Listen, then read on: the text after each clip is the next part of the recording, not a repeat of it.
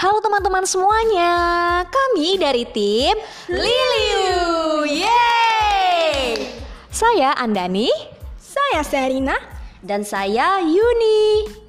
Di sini kami mengikuti lomba podcast dari Museum Kebarian Jakarta dan Maritim Muda Nusantara dengan tema Ekonomi Biru Masa Depan Bangsa Indonesia Refleksi Hari Maritim Nasional. Dan judul podcast yang akan kami bawa ialah Selamatkan Laut Indonesia dan ekosistemnya dari sampah. Salam kenal semuanya.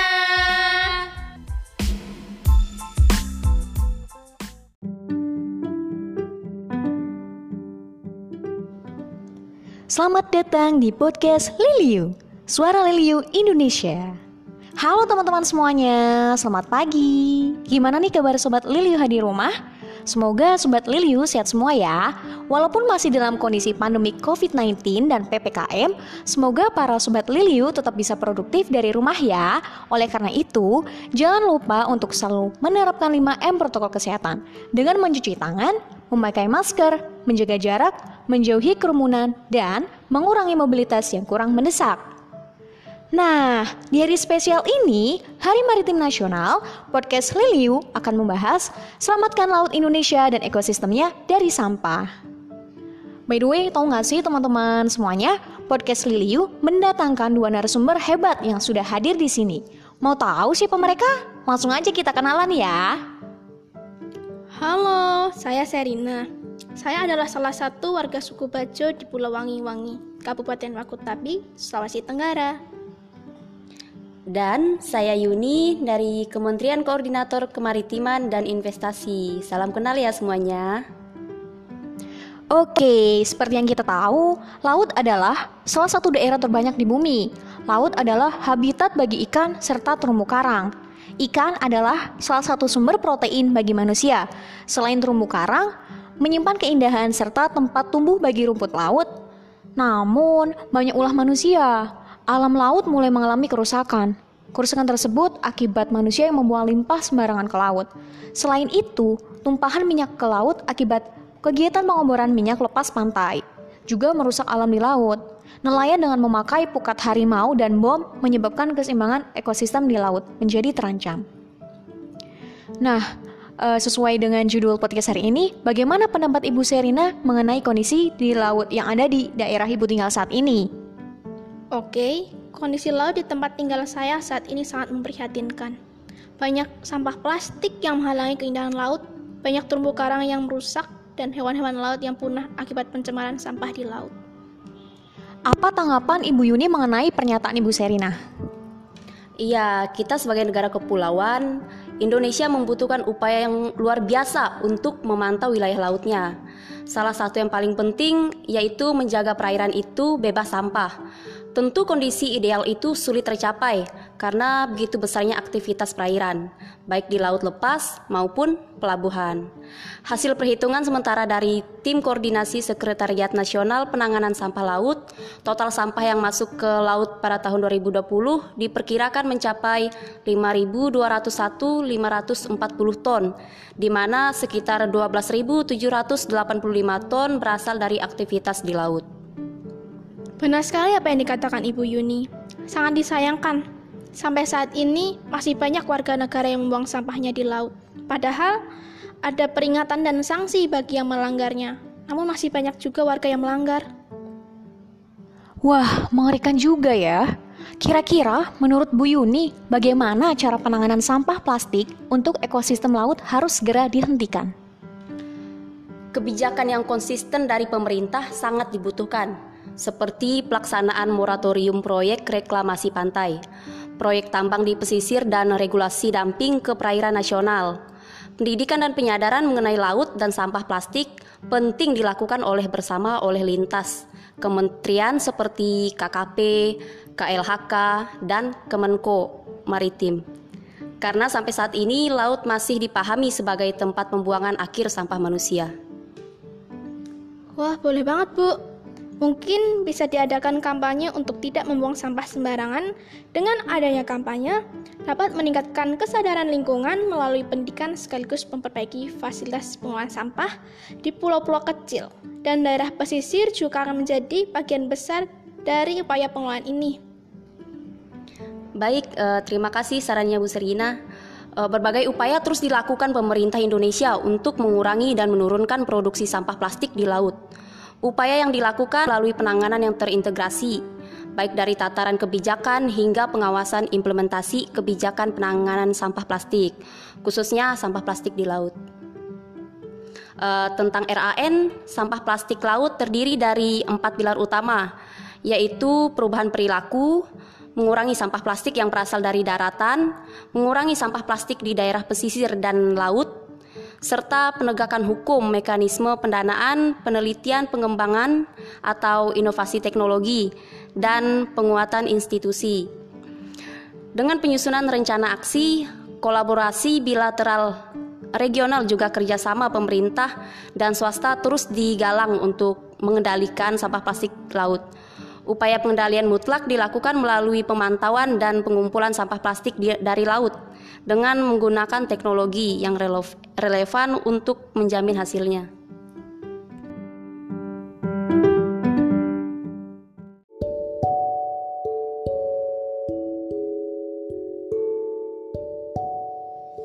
Oke, langsung aja ya. Kita sekarang memasuki segmen kedua. Di segmen ini, kita akan berbicara lebih menarik lagi nih tentang tema podcast kita hari ini. Mungkin dari Bu Serina dulu bisa sharing mengenai perbedaan kondisi laut dahulu dan saat ini. Oke, ya kondisi laut saat ini memprihatinkan. Dulu saat saya masih kecil, laut di tempat kami sangat jernih. Banyak pengunjung yang mengunjungi wisata laut daerah kami. Saya dan teman-teman saya sering main di laut bahkan tiap hari. Banyak waktu yang kami habiskan di sana. Namun, saat ini kondisi laut sangat kotor dan tidak terurus. Banyak sampah yang berserakan di pinggir pantai. Ikan-ikan pun mat, banyak mati. Air laut sudah tidak jernih lagi. Iya, memang benar.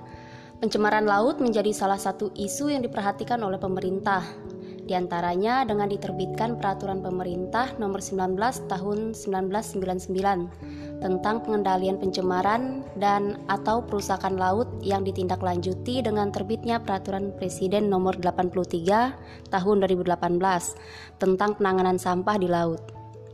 Dalam peraturan tersebut, pemerintah mengatur terkait mekanisme pengurangan pencemaran terhadap laut termasuk di dalamnya adalah pembentukan tim koordinasi nasional terhadap penanganan sampah di laut. Hmm, pemerintah setempat di daerah kami sudah mengadakan penanganan-penanganan, namun masih belum maksimal, sehingga sampai saat ini masih banyak pencemaran sampah di daerah tempat tinggal kami. Hmm, memprihatinkan sekali ya.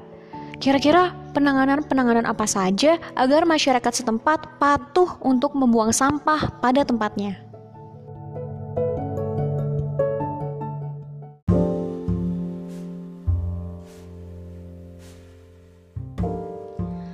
Hingga saat ini, banyak hal yang diupayakan pemerintah dalam penanganan permasalahan pencemaran dan sampah di laut.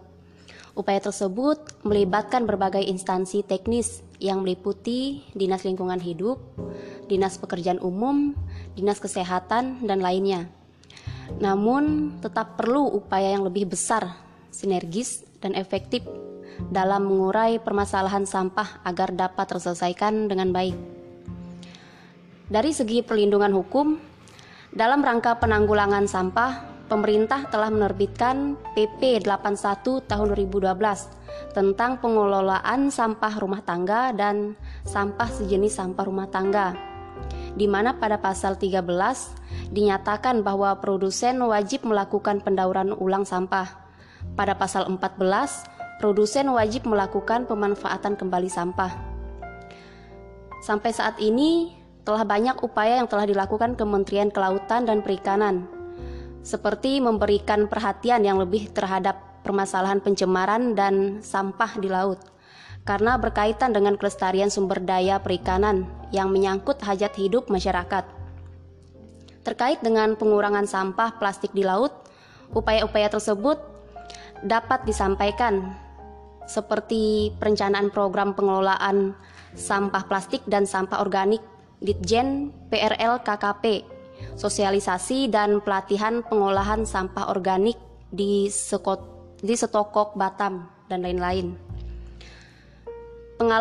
Pengalaman-pengalaman yang telah dilakukan dalam pengelolaan sampah di masing-masing wilayah kerja BPSPL Padang. Pengelolaan sampah di Batam, pengelolaan sampah di Sumatera Barat, pengelolaan sampah di Sumatera Utara, pengelolaan sampah di Riau. Wah, mantap sekali Bu Yuni penjelasannya. Wah, semoga teman-teman podcast Lil Yuni mendapat inspirasi ya dari Bu Yuni dan cerita pengalaman dari Bu Serina. Oke, langsung aja ya kita ke segmen ketiga. Bagaimana cara melestarikan alam laut agar tetap terjaga keindahannya menurut Bu Yuni dan Bu Serina?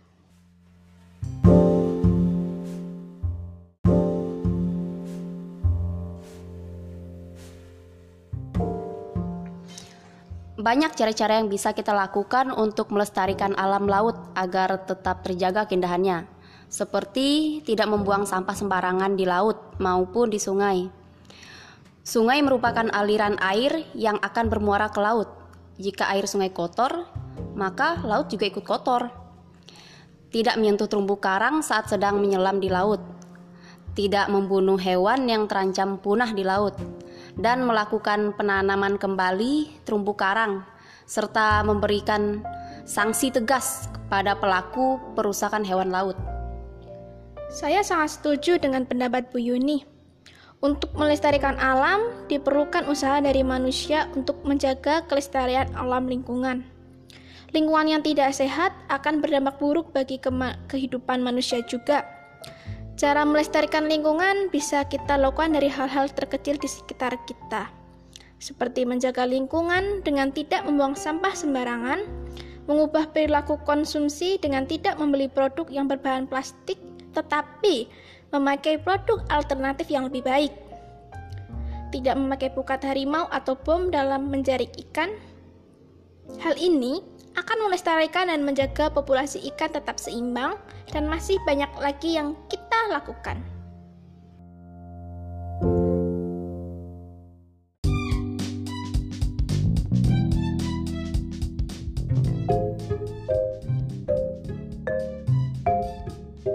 Baik, sangat menarik sekali pembahasan podcast Liliu hari ini. Berhubung tiga segmen sudah podcast hari ini, kira-kira segmen apa yang ingin Bu Serina dan Bu Yuni katakan? Ayo, tumbuhkan kesadaran kepada kita semua dan masyarakat tentang perlunya kondisi lingkungan laut yang bersih dan sehat. Oleh karena itu, sangat diperlukan komitmen dari semua pihak untuk mewujudkannya. Mari kita komitmen untuk stop buang sampah ke laut pada peringatan Hari Maritim Nasional. Pendidikan dan penyadaran mengenai laut dan sampah plastik penting dilakukan oleh bersama. Wah, benar sekali. Semakin banyak sampah plastik di lautan, maka semakin besar ancaman bagi kelestarian ekosistem di laut. Meski ancaman kerusakan tak hanya berasal dari sampah plastik, banyak dampak yang ditimbulkan dari sampah plastik juga sangat berbahaya. Diperlukan kesadaran dari setiap elemen masyarakat dari lingkup terkecil, yaitu individu untuk mengurangi potensi dan stimulan sampah dari aktivitas sehari-hari.